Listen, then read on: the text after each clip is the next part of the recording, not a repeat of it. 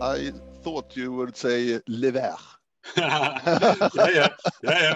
Why not? But uh, at the moment, uh, so for, for, those who don't know this team, it's uh, it's a football team from Saint Etienne where I uh, spent uh, 35 years of my yeah. life. So uh, they are playing in first league, but it's a team from 80s. So um, yeah, yeah. At the moment, yeah, yeah. But of course, as a coach, I of course we all dream in different ways and things like this. But what I really miss in uh, orienteering, it's uh, this uh, public and pressure from outside.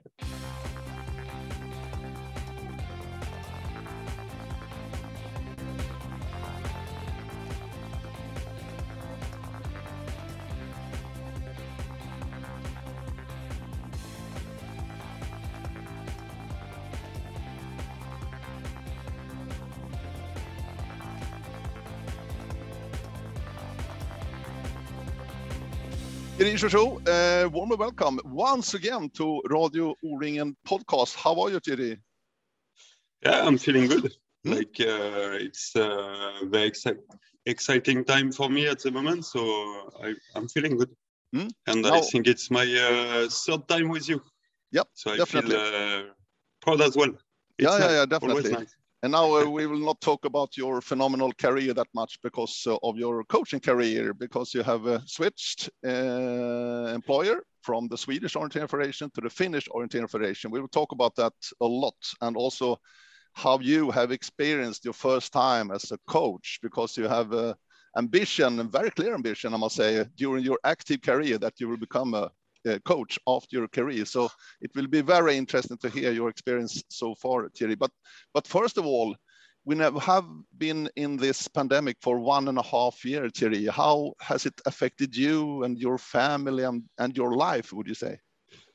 Well, I would say, like, if we are very honest, like uh, Sweden had been uh, one of the place where uh, it was almost as uh, as it has been before. I think from a strict uh, sport point of view, the only big difference was uh, all the competition were cancelled. But I mean, basically, the, from what I had seen with the runners and the trainings were pretty much the same. So I think we were very lucky in that way in Sweden. But of course, uh, extremely challenging for the runners. I would say because uh, what's hard is like uh, to not know for what you are preparing and how long it will be, if it will be two months, if it will be two years, or so this I think, uh, of course, very challenging. But as a coach, it was actually pretty nice because like uh, you are always busy with travels and uh, i have uh, two kids who are two and four so of course to be more at home it was uh, pretty nice as well. Of course, uh, extremely busy, maybe even more busy than uh, before the pandemic, because of course we had to find individual solution, providing the owners with solution on their home environment.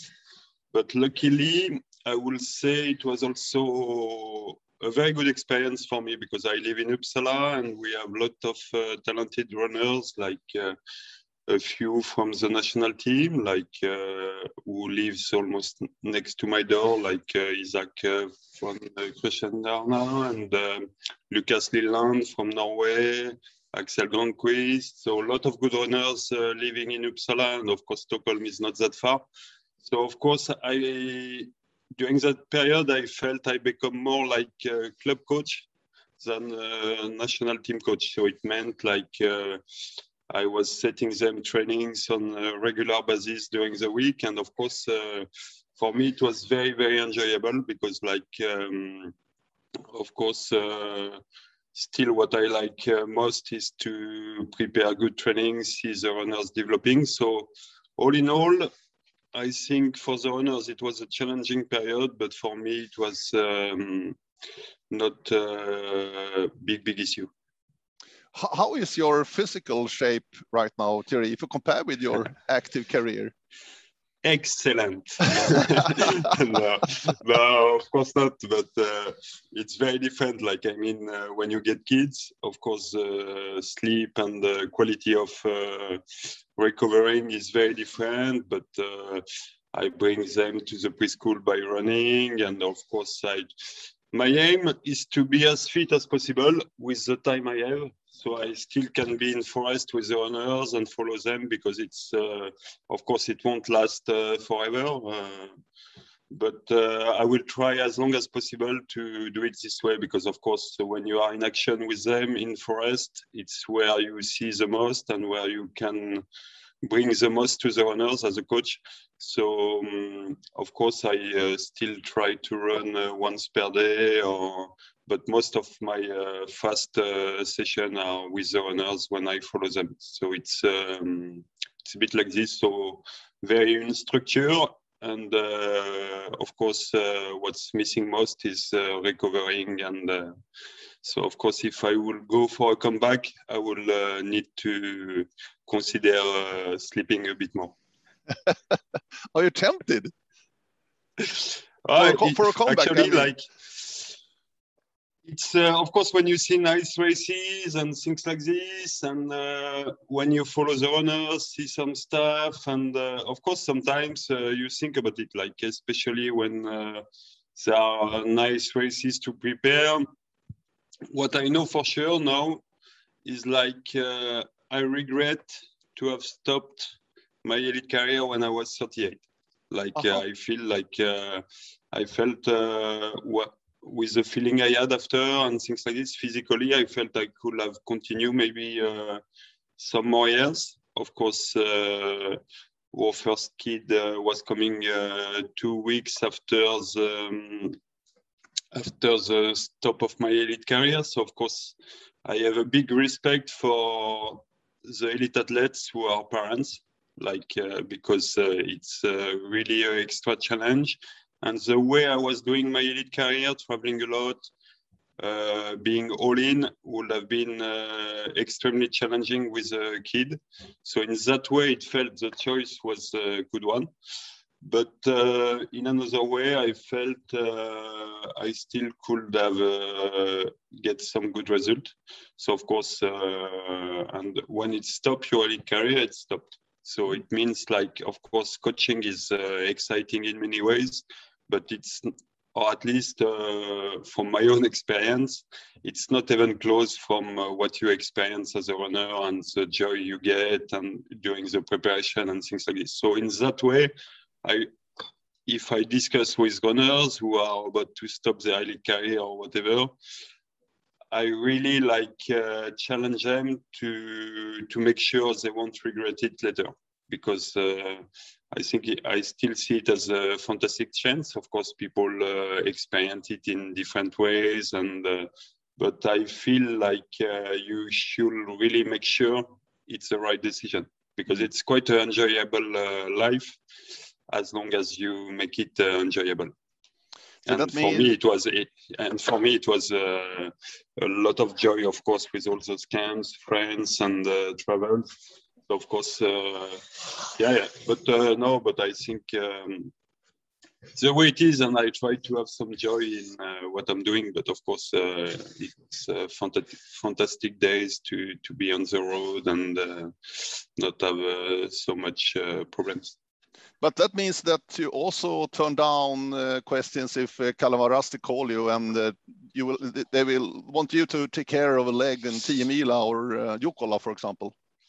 Yeah, well, this uh, before the big uh, relays, I get uh, at least uh, five or six emails from different teams who want me to. so most of time it's a stressy email. It's a lot of uh, a, lot coming from OK Linné, of course, because it's where I live and it's where it will be very natural. But of course, we have had a discussion with uh, Kalevan Rasti. But me, I made it uh, pretty clear, like for myself, I mean, I, I never really communicate about it. But when I decide to stop my elite career, I know I knew my uh, biggest challenge as a coach would be to be seen as a coach because I was uh, 38.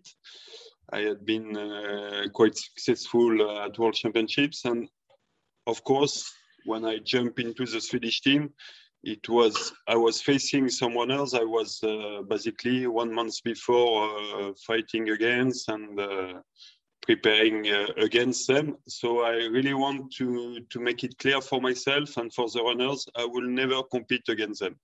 And I'm really glad actually I set this rule for myself because uh, it was already a challenge. I mean, like to be seen as a coach, and of course, I put a lot of work for this, and I try to gain uh, their trust. But I must say, like, uh, as a coach, if you start to compete and you have a realistic chance uh, to beat them in competition, it's really not good. You are working uh, against uh, yourself because uh, maybe your wo- voice won't be very well listened. At least it's what I felt and uh, I made it extra clear. And also, as a coach, I didn't want to have a label as a club like uh, Kalevan Rasti or OK Linné, because of course, you know it is when you need to discuss with runners if you can be as clean as possible with uh, with this and not uh, represent any clubs. Of course, uh, for me it's an extra challenge now in Finland because I have been, of course, uh, 18 years running for Kalevan but uh, of course it's a rule I will keep uh, going on.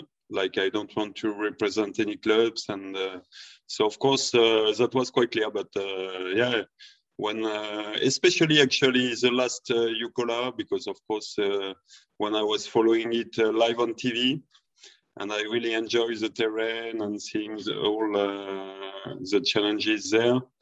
I, I and yeah, it's no surprise when I I go running on my with myself uh, all alone and things like this. I replay a lot of races.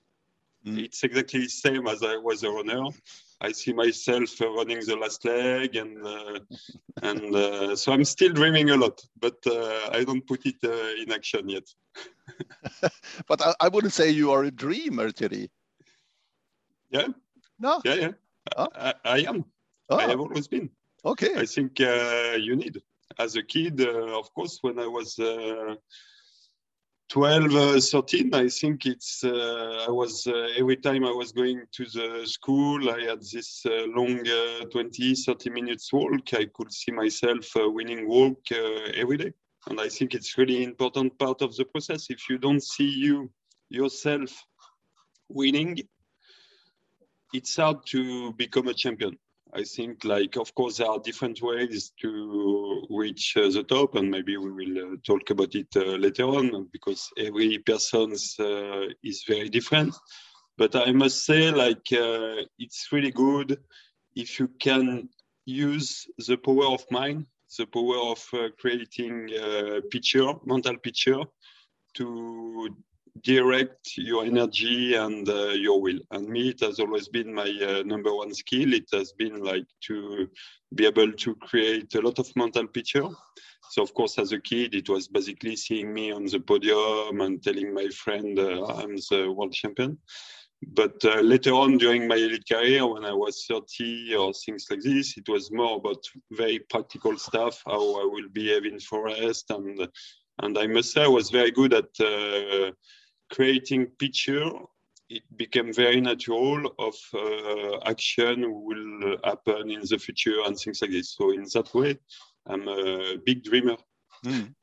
And of course, I see myself, uh, you know, as a coach, uh, very often I see myself uh, coaching in uh, NBA or in a top football uh, club because mm. of course like i have still ambition as a club as a coach and uh, I sometimes I dream to to be coaching the New York uh, Knicks uh, in uh-huh.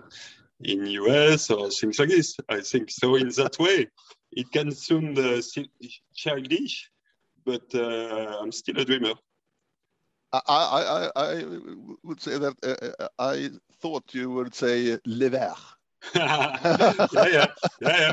Why not? But uh, at the moment, uh, so for, for, those who don't know this team, it's uh, it's a football team from Saint Etienne where I uh, spent uh, 35 years of my yeah, life. So uh, they are playing in first league, but it's a team from 80s. So um, yeah, yeah. At the moment, uh, yeah, but of course, uh, as a coach, I of course we all dream in different ways and things like this. But what I really miss in uh, orienteering, it's uh, this uh, public and pressure from outside. And what I find fantastic, and I, it's why I was enjoying so much uh, big races and world championships, it, because it was a lot of expectation. And as a person, I I think I really enjoy those expectations and being put under pressure and things like this. And when I see the other sports or playing in front of 80,000 people, but it's a fantastic chance. And I, I, wish, of course, uh, it will never happen in orienteering and things like this, but I'm really jealous of all this, both uh, in terms of coaching and in terms of uh, playing. I feel like they experience something which is uh, probably uh, incredible experience, and this, uh, of course, I feel uh, I feel I have missed it. Mm. Uh, you talked about uh, creating pictures. So back now to your first career as a coach on national level, as the technical responsible for the Swedish Federation in the last four years. Uh, I believe you have created some pictures also before this job as a coach in the Swedish team. Has it been as you expected, or in general, Thierry, uh, how has it been? Yeah, yeah, I must say, like uh, I like to be prepared. So in everything I do, I want to be prepared. So basically, the last few years of my elite career, I knew that would be the next step so and it was also a challenge because uh, in many situations i was more acting as a coach than as a runner but i, I was writing that done a lot of notes and um, and actually i think i knew one year before i would get this uh, job i think we got an agreement with mm. SOFT uh, pretty early. I was going to compete one more year, and then I will start uh, working uh, with that uh, position. So I had a lot of time to prepare. So I had quite clear vision. And um, but of course, even though I had been living uh, some years in uh, Sweden, and I had good connect connection with what was happening with uh, in the Swedish team, thanks to Annika. So still it's a lot of question marks. Like when you start the job, you don't know if you will be fitting well. You will face some new runners. Some of them you have been competing against. So it's uh, extremely challenging to know how you will react and things like this. So I remember very well my very first camp was uh, in uh, Latvia. So it was the World Cup uh, in 2017. It was also part of the preparation for World Championships. So I had come up with uh, quite clear idea and uh, with the camps and things like this. But of course, uh, I remember very well the first dinner when you sit down like this. You have 20 persons around you. Some of them you don't even know their name. And I remember a camp in Norway two weeks after where we had a bigger group.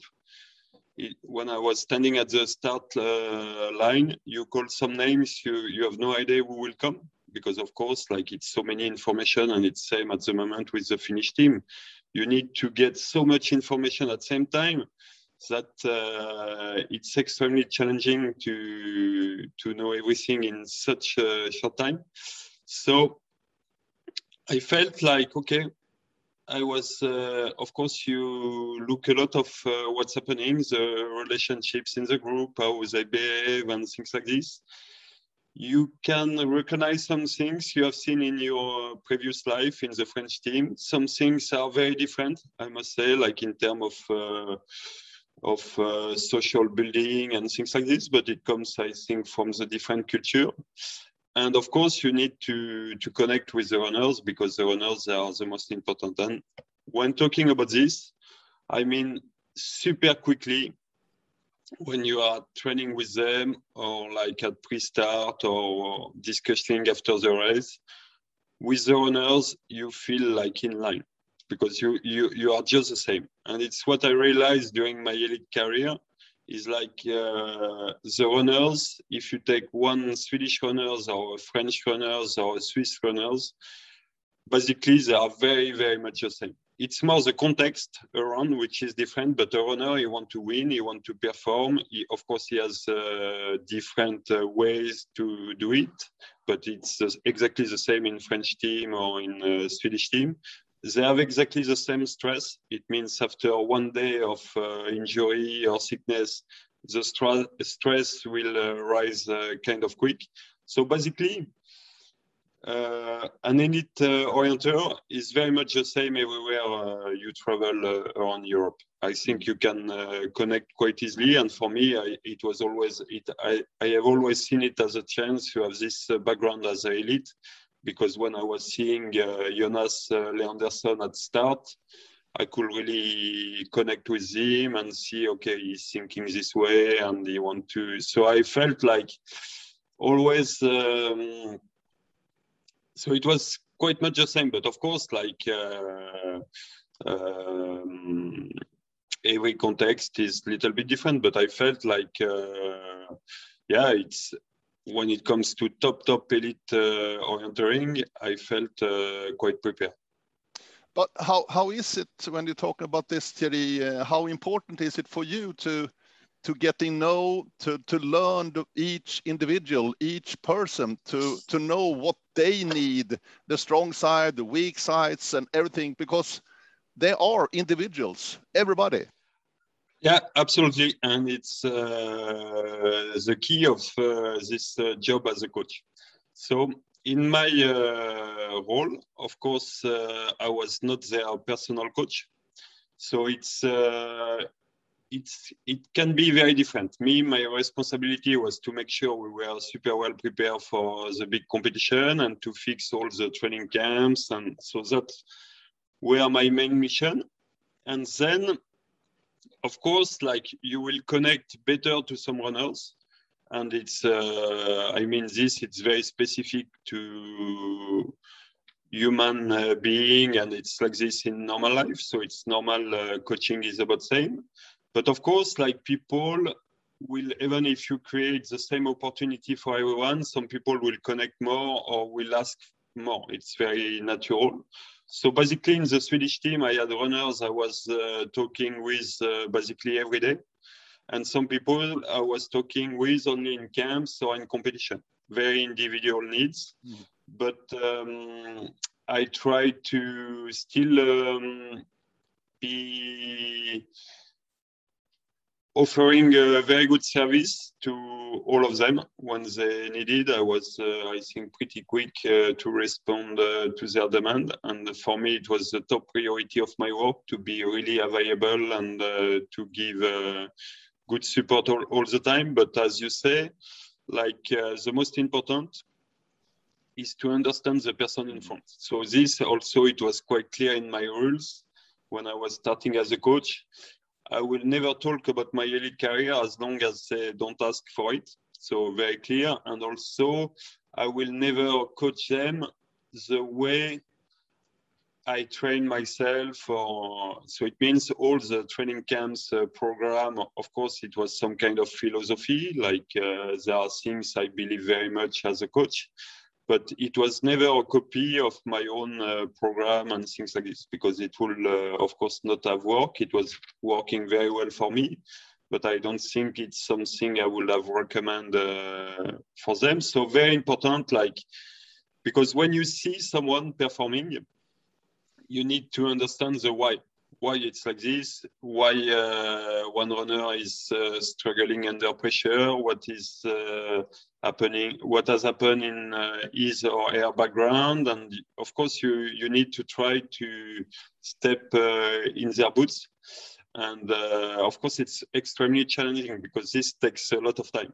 Mm. So of course if you have like 20 or 30 runners you can't uh, spend uh, that much time uh, with everyone and things like this. But uh, with some of the owners who have been able to connect uh, quite well and who have done quite uh, deep work, so I have been happy with this. Mm.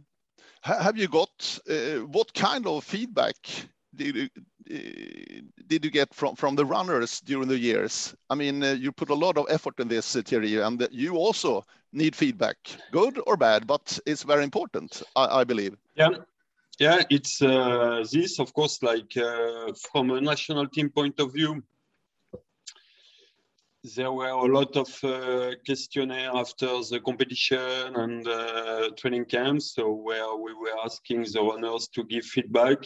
This, for me, I give a very small value on it because, uh, of course, like uh, they they can't be totally honest when they answers to the national team uh, leaderships, and of course, we need to always understand in a national team level, we the coaches are also the, the one who will give them a, an opportunity to compete in the future.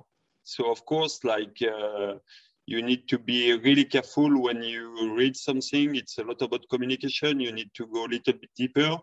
But of course, like if I if I will uh, say the main difference between Sweden and maybe the others uh, country. You know, I get a little bit of experience in Finland as well, but uh, of course a lot from uh, France, and I know as well uh, Switzerland quite well with uh, thanks to to my good friend François Gonon. So it's. Um, I think the Swedes in general are pretty bad at uh, complaining like uh, maybe I don't want to make generality, but uh, I think uh, I really hate putting everyone in the same bag. But I will say I was shocked, like uh, the first year in the national team and things like this, with like the little complaint I get or comments I got.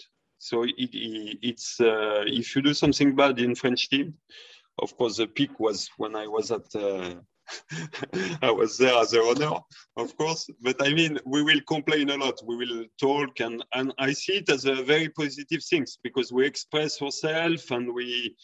So good and bad.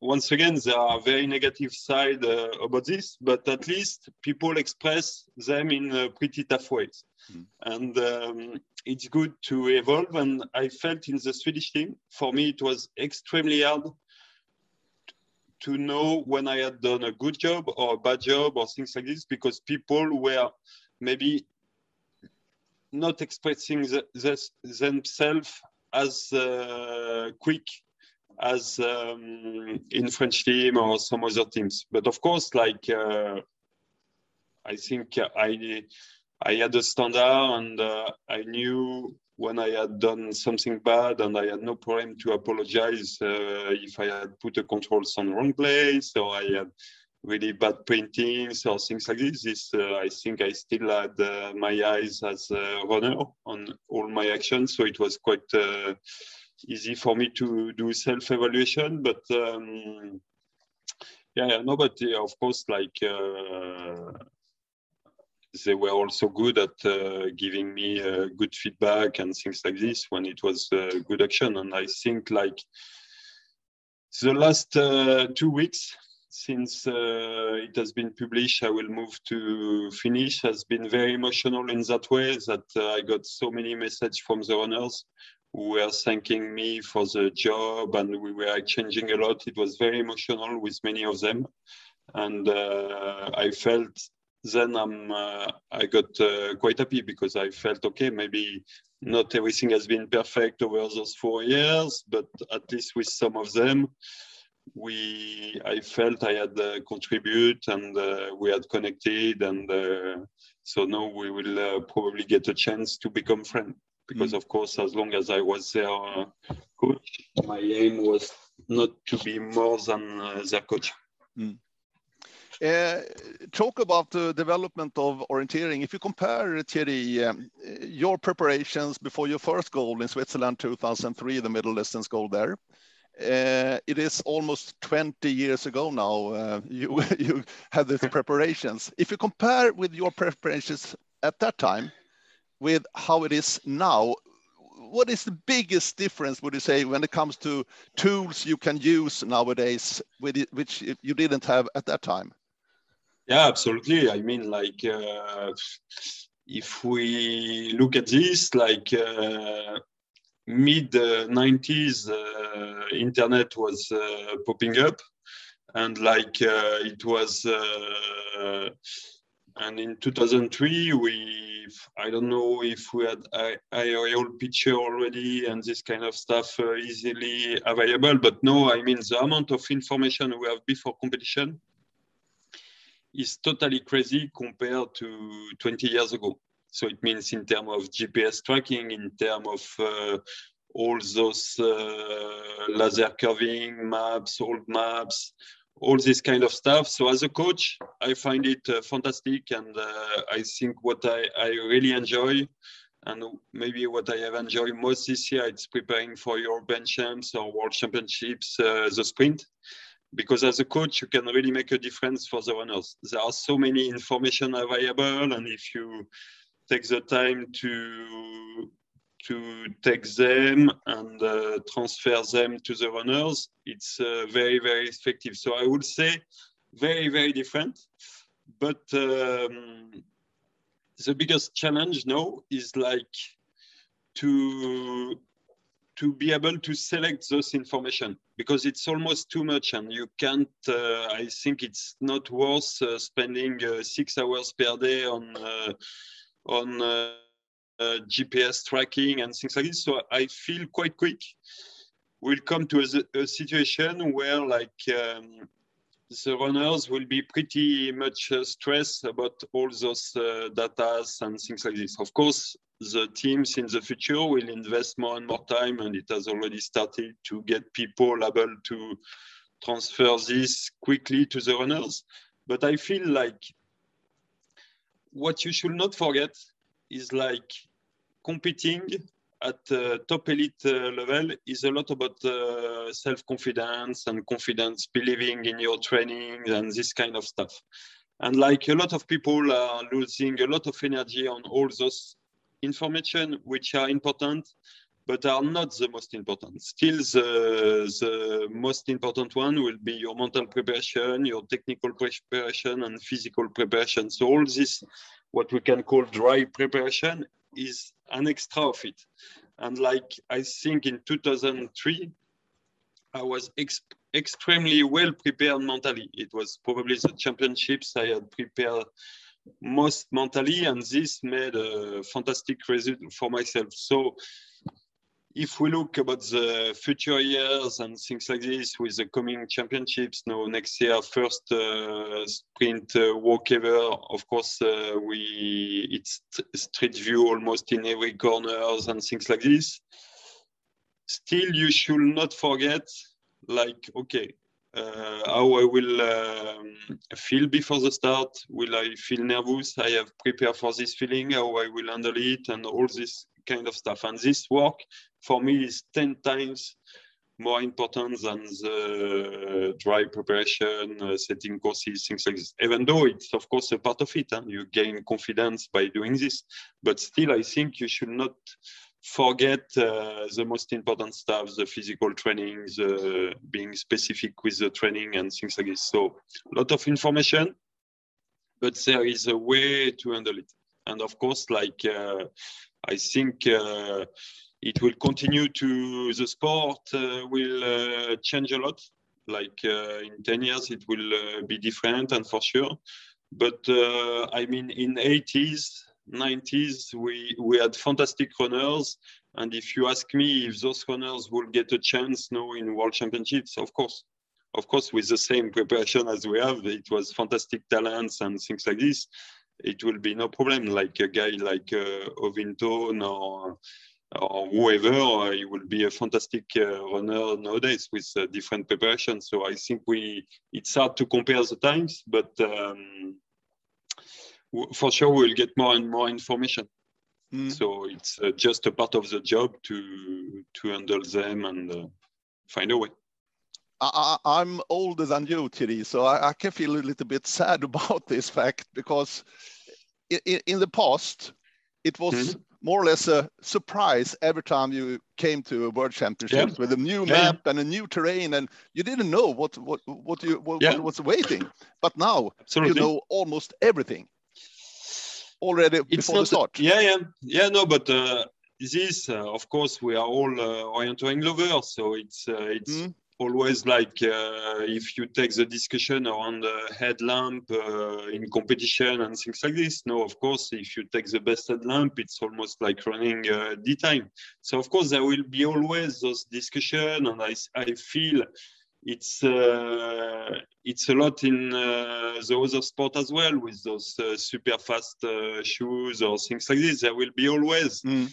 But I think you, you you can't fight this because of course we won't stop internet. We want so we should just like make sure our value are still uh, we agree on our value what is orienteering what how you can win a race with uh, so this it's i think maybe what has been missing a little bit like it's like from IOF to really like discuss about the value of our sport. Like what is important for the orienters for the elite orienters and make sure even if the sport keep developing, we keep those values. So this is very important. But to get back to your question, what feels uh, very important for me is like uh, we we are comfortable with uh, with all this and like uh, we we create challenges and like if I look at uh, World Championships this summer, the most exciting race in my point of view, was the middle distance because the old maps was uh, pretty crap. Mm. And it was a lot of question mark for everyone, and it was almost impossible to get more information than this. Of course, we we had some small picture from the top of the maps, some different stuff, but of course, it uh, creates some uh, excitement. And uh, but still, I feel like we as organizer and uh, those who, will uh, decide about the future of this sport still can uh, create uh, challenges uh, in sprint and this kind of event and but of course you you should um, be creative. And i think it's a role of IOF uh, big, big uh, responsibility to to really help uh, the organizer and be a little bit uh, having a vision about uh, how should be our sport. But of course, we we can't uh, fight the technology. So of course, we will get. but still, I feel we can create challenges all the time. Mm-hmm. So we have seen it at the WOC relay this year. Radek Novotny had put this big embargoed area of course, you can discuss if it's uh, if it makes sense or not sense in the forest races. But what's for sure, it's like no one had expected it to be like this. So mm. of course, then you get some extra challenges and all the work we had done in preparation.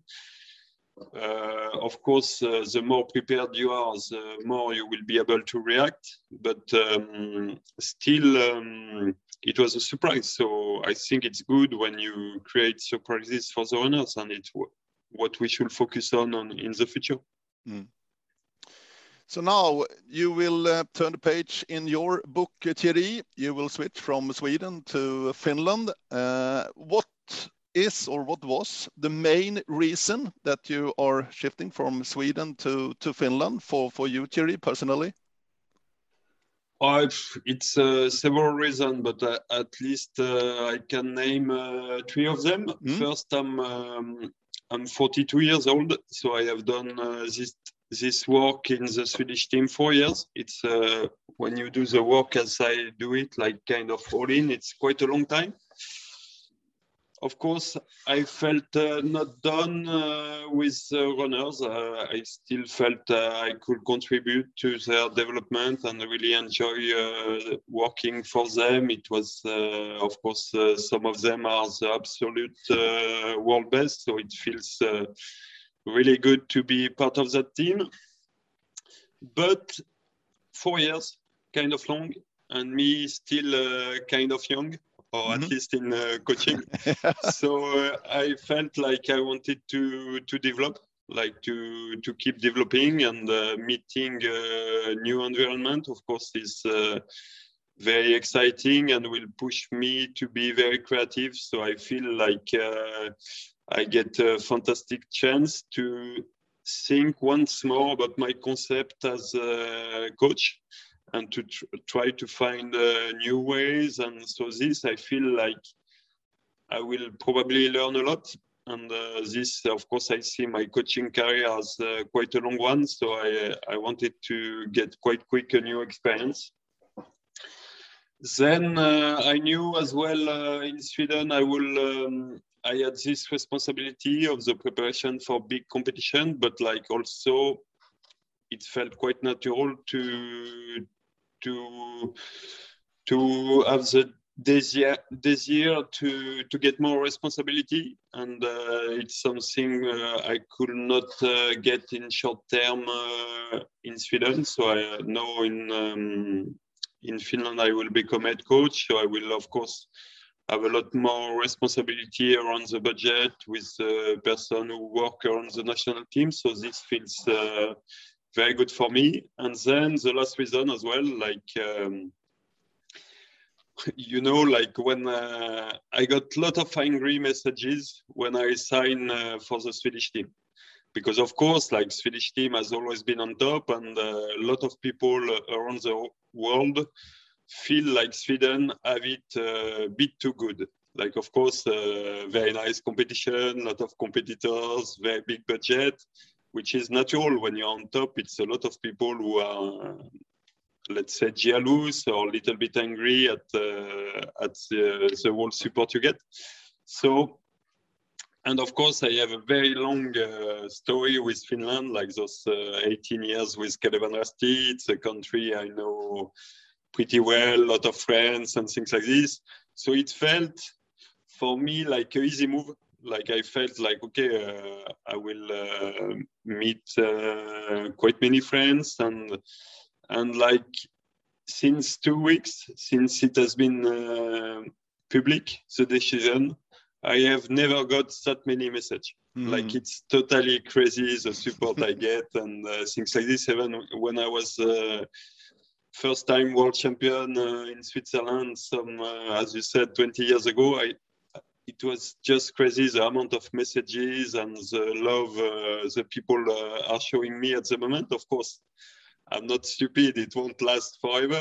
Like, uh, I mean, uh, in that position, you don't only make people happy, but it's just by seeing this, I felt like, okay, it was uh, the right choice at this time of my uh, career. Of course, I'm well aware it's a lot of work, like a lot of challenges. We, we have a limited budget, like for example, now for the World Cup, the owners are paying. And so I'm coming back to a situation which is uh, very different from Sweden, where uh, it was a lot bigger budget and things like this. But I will experience what are experiencing 90% uh, of the national team or national athletes.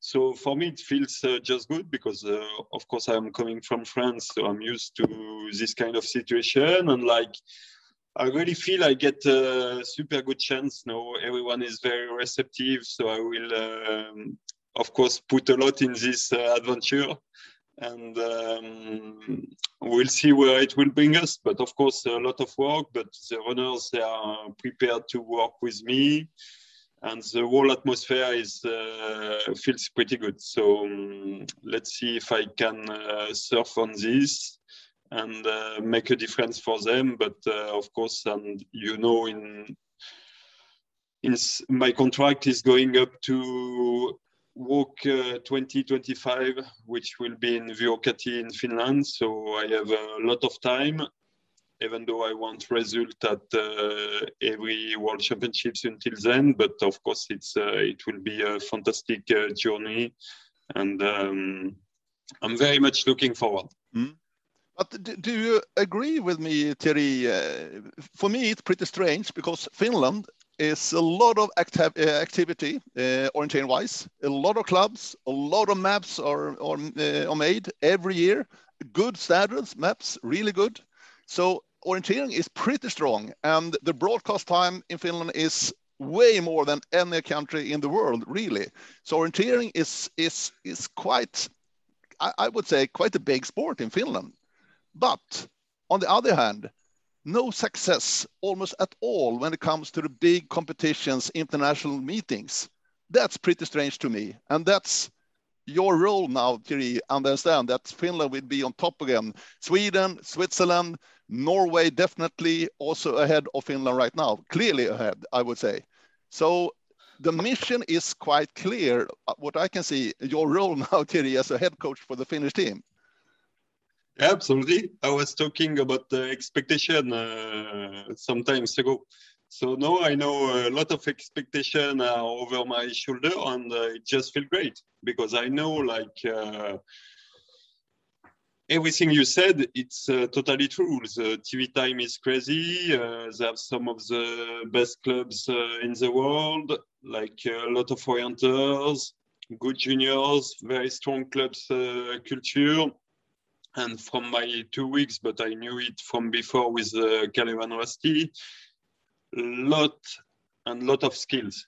Like, of course, like uh, what's the challenge for Finland is to to be kind of international, mostly because the Finnish language make it uh, very challenging for anyone from outside to. But the, the amount of publications they have, which are top top quality, is uh, really crazy in this uh, country. So a lot of uh, skilled people, and as you have said, we are not even close Finland as the top three, uh, Switzerland, Norway, um, Sweden for sure. So it means like there is a lot of work uh, during those uh, this period where I have been closer from Finland. Of course, I have seen a lot of stuff I would like to change, but uh, my aim is, of course, to involve uh, everyone in Finland. I really feel I have a big chance now because people are ready to listen and uh, so um, I really want to, to make the national team something very special.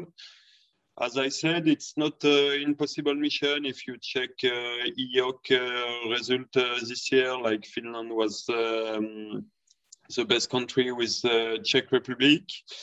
And um, they are always like uh, talented uh, runners. So me, my work is really to make sure like uh, those ones uh, get a chance in the future, and the one we have at the moment, we develop them. But once again, it's not an impossible mission.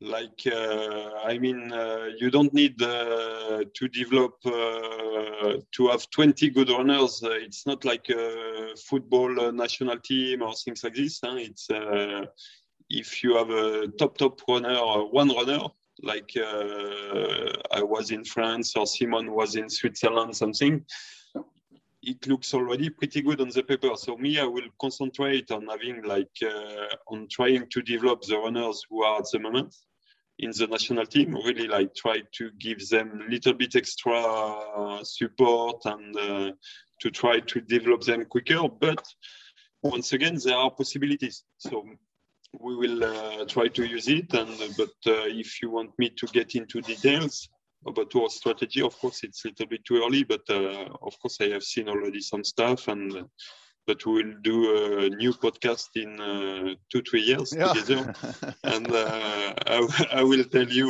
uh, if we have succeeded or if we have uh, some struggle. But of course, my motivation is pretty big, and you can be sure I will work pretty hard. Yeah, yeah, yeah, I understand it. You you like this challenge. I can hear it. Yeah, yeah, yeah, absolutely. Because like uh, you know, when when I was uh, in the Swedish team, it was uh, in many ways. Of course, I was working a lot, and uh, it was fantastic to to work. Uh, as I mentioned, in Uppsala, or to really put some support uh, for some specific runners in a short period of time. This I really enjoy it but um, I mean, in Sweden, you they will keep being successful all the time, all the time, all the time, because like you have uh, three, four times uh, more orienters than anyone else. You have those fantastic uh, uh, school, university. So it means like you have like at least 500 uh, youngsters who are under uh, full-time coaches. So no one else has this, not even uh, Finland or Norway. So it means there will be always an Anna Lundberg showing up every, and of course, like no matter the work you do in the national team, because like what you should really see, and it's same for everywhere. The national team, it's really the top of the iceberg. Like I was counting, uh, basically uh, for top top uh, national team, you have uh, 80 days per year. Of course, it, it's uh, changed during pandemic. It was a little bit less, but if we take to 2018, it's about like 30 days of competition during the year with the national team and then you, you can have like uh, 50 or 60 days of camps and uh, activities so this it means 20 25% of the year it's the national team so even if those 20 uh, 25% is uh, suboptimal or as perfect as possible still it's not this who will make the biggest difference. And it's why the Danish team uh, succeeds so well in the past with their training group. It's why the French team as well did it pretty well uh, with those uh, training structure. It's, they put a lot of energy on those uh, 75 uh, other percent. And I think like um, it's something which has been uh, put in focus here in Sweden with those uh, elite environment in different places, Falun, uh, Göteborg, uh, Stockholm, all those places, Örebro.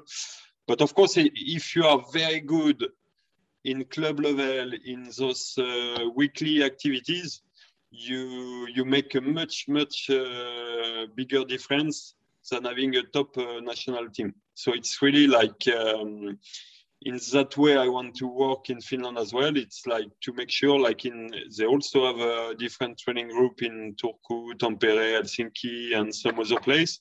But if we can rise up the quality on those places we will rise up the whole system. And of course like in my position in sweden i felt okay today i will work my ass off for the Swedish team. And it's what I did most of the days when I was, uh, I, what I can promise you, it's before World Championships.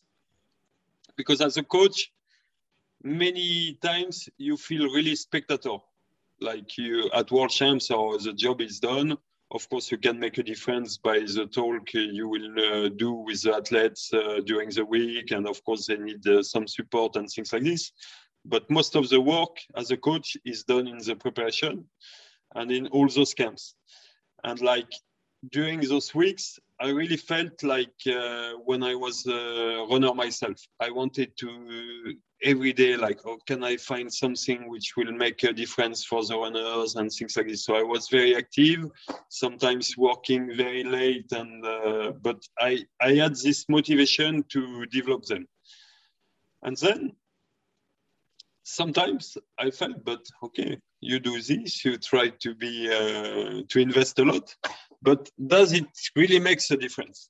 Because of course, like as I said, always those 25%, and so then you could see some other trainings were not as good as this and things like this. So you felt like, okay, but maybe if today I stay in my bed and I don't work for the Swedish team, I'm quite sure. I mean, Tove, she don't need any support because she, of course, she, it's a caricature, but when you have a runner like this who is very independent and like a lot of self-confidence in what she does and things like this, it's not the national team who will make a big difference for her.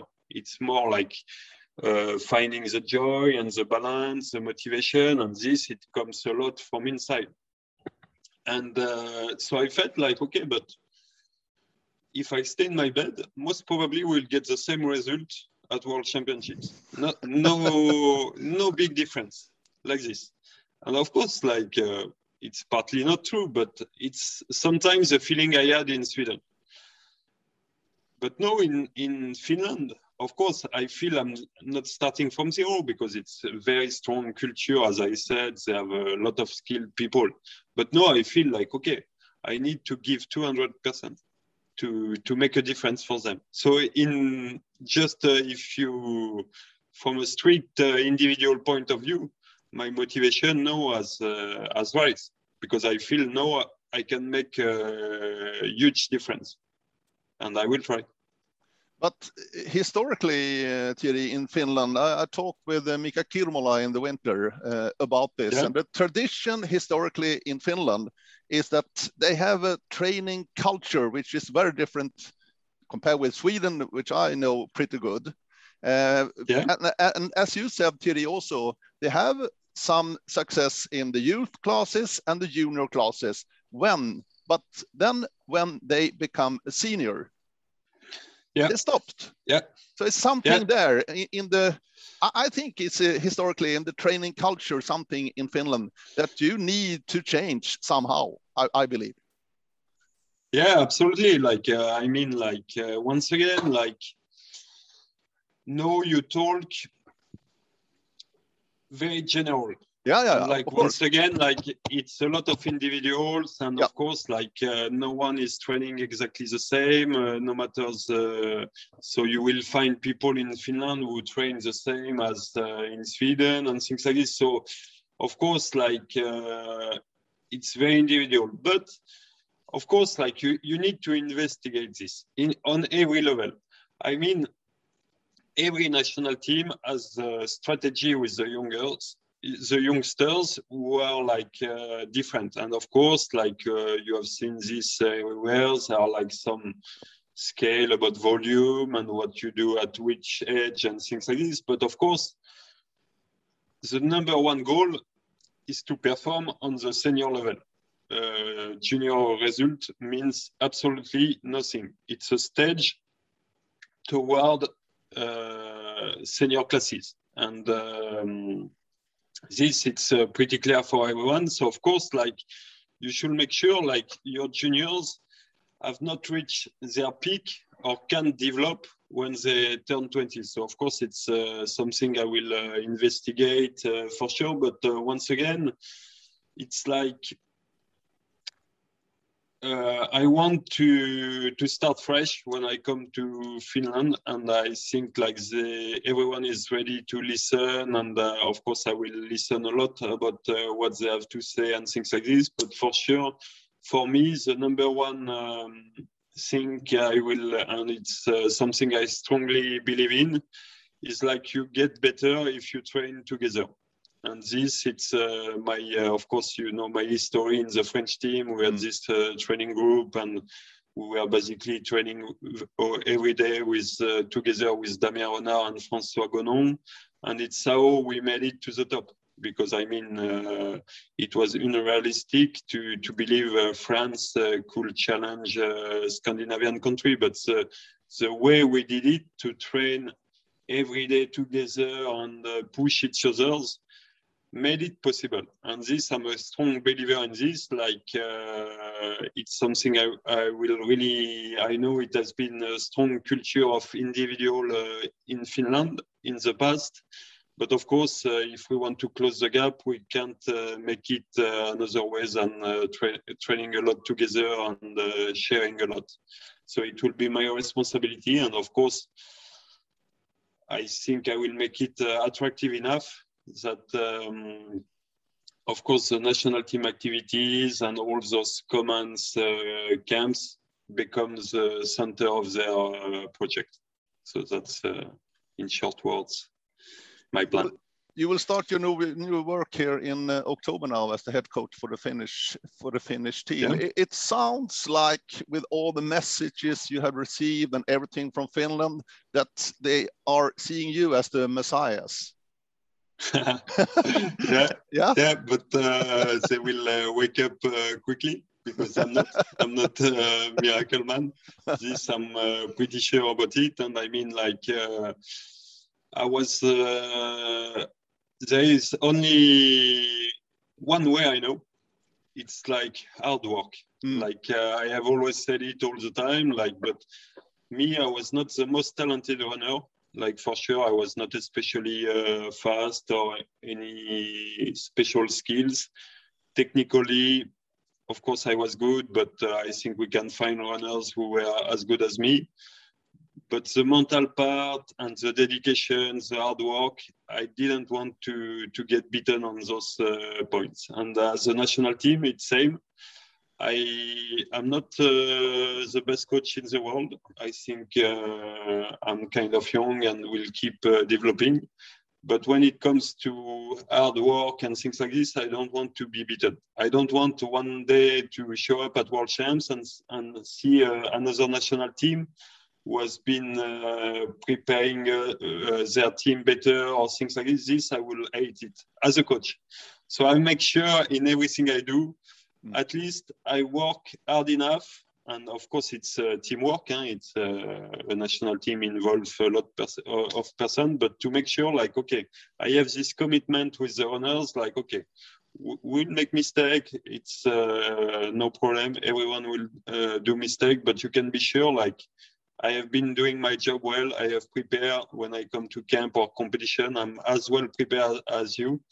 And uh, this, I think it's great uh, bond together. And uh, but of course, like um, it will be fun to to be in uh, our first camp together. It will be, of course, uh, mid October in Denmark for next year's World Championship. So this will be a start but of course then we have a strategy uh, next year and things like this and i'm looking really much forward to know them better now i feel exactly like four years ago when i had so little knowledge about uh, about the runners and uh, i need to to do this work so every day i write quite many pages and things like this so i try to get prepared but it feels uh, really exciting and i hope in uh, four years I will feel the same as I feel for the Swedish runners now. Like I feel very sad uh, to leave them because we, with some of them, we, we, we had done some work. So um, yeah, I will. Uh, I'm not especially happy to leave the street Once again, I want to highlight it because I had create connection and things like this. But um, very much looking forward to know the Finns better and to do my work as professional as possible. But what about the logistics, Thierry? You will still live in Uppsala, Sweden, and handle the job from there, and go to Finland from time to time, and the camps, of course. Yeah, of course. Uh, at the moment, I have my kids uh, in preschool in Uppsala, so this makes it uh, extra challenging. But like um, the most important for me is to succeed. So of course, like you, you want to take the decision which will help you to succeed. We have seen during the COVID uh, pandemic, we can do a lot of work from distance. Like uh, it's a reality uh, I have seen. Like you can help a lot the runners even if you don't see them every day. Of course, it's better if you see them a lot, but uh, you can still achieve uh, much. And as I said, it's a national team. It's teamwork. So I have a lot of people, of course, um, working in uh, Finland on spot with the runners. And on top of that, there will be, of course, a lot of camps and competitions. So I will travel uh, there quite much. So I don't think uh, it will be a challenge. There will be, of course, a lot of trips and things like this, but I live pretty close from the airport of Arlanda and it's easy to connect. But once again, no, I want to evaluate the situation if, of course, I see this as a challenge to to complete uh, my mission, and I, of course, I will uh, evaluate it uh, twice. But uh, at least this winter, it will be like this, and then we will see for the future. Mm. Thierry, I, I think we will finish with a small quiz. Okay. Right. Are you ready? Are you ready? Yeah, always. Um, you know, by yourself, you have uh, won 13 individual gold medals, 14 in total with one relay gold also, but 13 individual goals you have by your own. One. Very mm. impressive, Thierry. How many gold medals have Finnish men won during the years? Since the start, 1966. How many gold medals have uh, by won by Finnish men? This is a tricky one. yeah, I, I, know quite many of them. I would say, like, uh, of course, I think if I take backward, of course, uh, Jani Lakanen is in, in men. Jani Lakanen is last one. Then you have Pasi. Then you have uh, Janne. Mm -hmm. Then uh, I think in Australia, 83. 85. 85, yeah. Yeah, that's correct. And, Kari Sallinen. Yeah, yeah, exactly. And then maybe in 60s, one, well, I'm not sure, but I would say five. Yeah, five is correct, but uh, you didn't get the last one, the latest goal. Okay. latest? Yeah. In men? Oh yeah, of course. Yeah. Martin. Yeah, yeah, yeah, Yeah, yeah, yeah, yeah. yeah, Yeah, of course, yeah. the, the sprint in yeah, yeah, Finland, yeah, yeah, yeah, 2013. yeah, of course, yeah, Yeah. yeah, yeah, absolutely. Yeah, yeah, it was a very good one. And Yeah. actually, it's my, uh, you know, just a quick one about this. Like uh, my aim, World Championships 2025 home ground, and actually, a lot of uh, the those runners has been very successful. Like we take Pasi, Oh. but they were winning also in Tampere 2001 the relay. And so my aim is, and Mårten, of course, uh, in Vuokatti, uh, fantastic. So my aim is to create some kind of committee of all those people who has performed very high uh, on their home ground to help our youngsters to prepare specifically. But of course, I will uh, talk more about this. Uh, so of course, Mårten will be because the success he got this this day was uh, crazy. So yeah, yeah, I forgot that one. No, no, no, no Okay. problem. So five Yeah, gold good. medals for the Finnish men all, during Yeah. all years. Yeah, it's not that many. Yeah, yeah, it's uh, still uh, five. Yeah, yeah. It's better than zero. Yeah, yeah, definitely, definitely. So uh, uh, uh, many thanks, Thierry. And uh, do you know uh, the headline for this uh, podcast will be Tero Kettunen No. is back. Yeah, absolutely. yeah, yeah, yeah. Yeah, that's that's good. I like it. It's fine for me. Many thanks, Thierry, and uh, I wish you the best of luck uh, in the new mission, the new job in Finland for the Yeah. next uh, four uh, years, actually. Yeah, thank you so much. Yep. Yeah, it was a pleasure. Yeah, yeah. See you somewhere. Thank you. Yeah, absolutely. Bye. And for all your listeners, please send an email radio at oringen.se uh, for any questions, comments, or maybe any dream guests. You are very, very welcome. I say bye bye.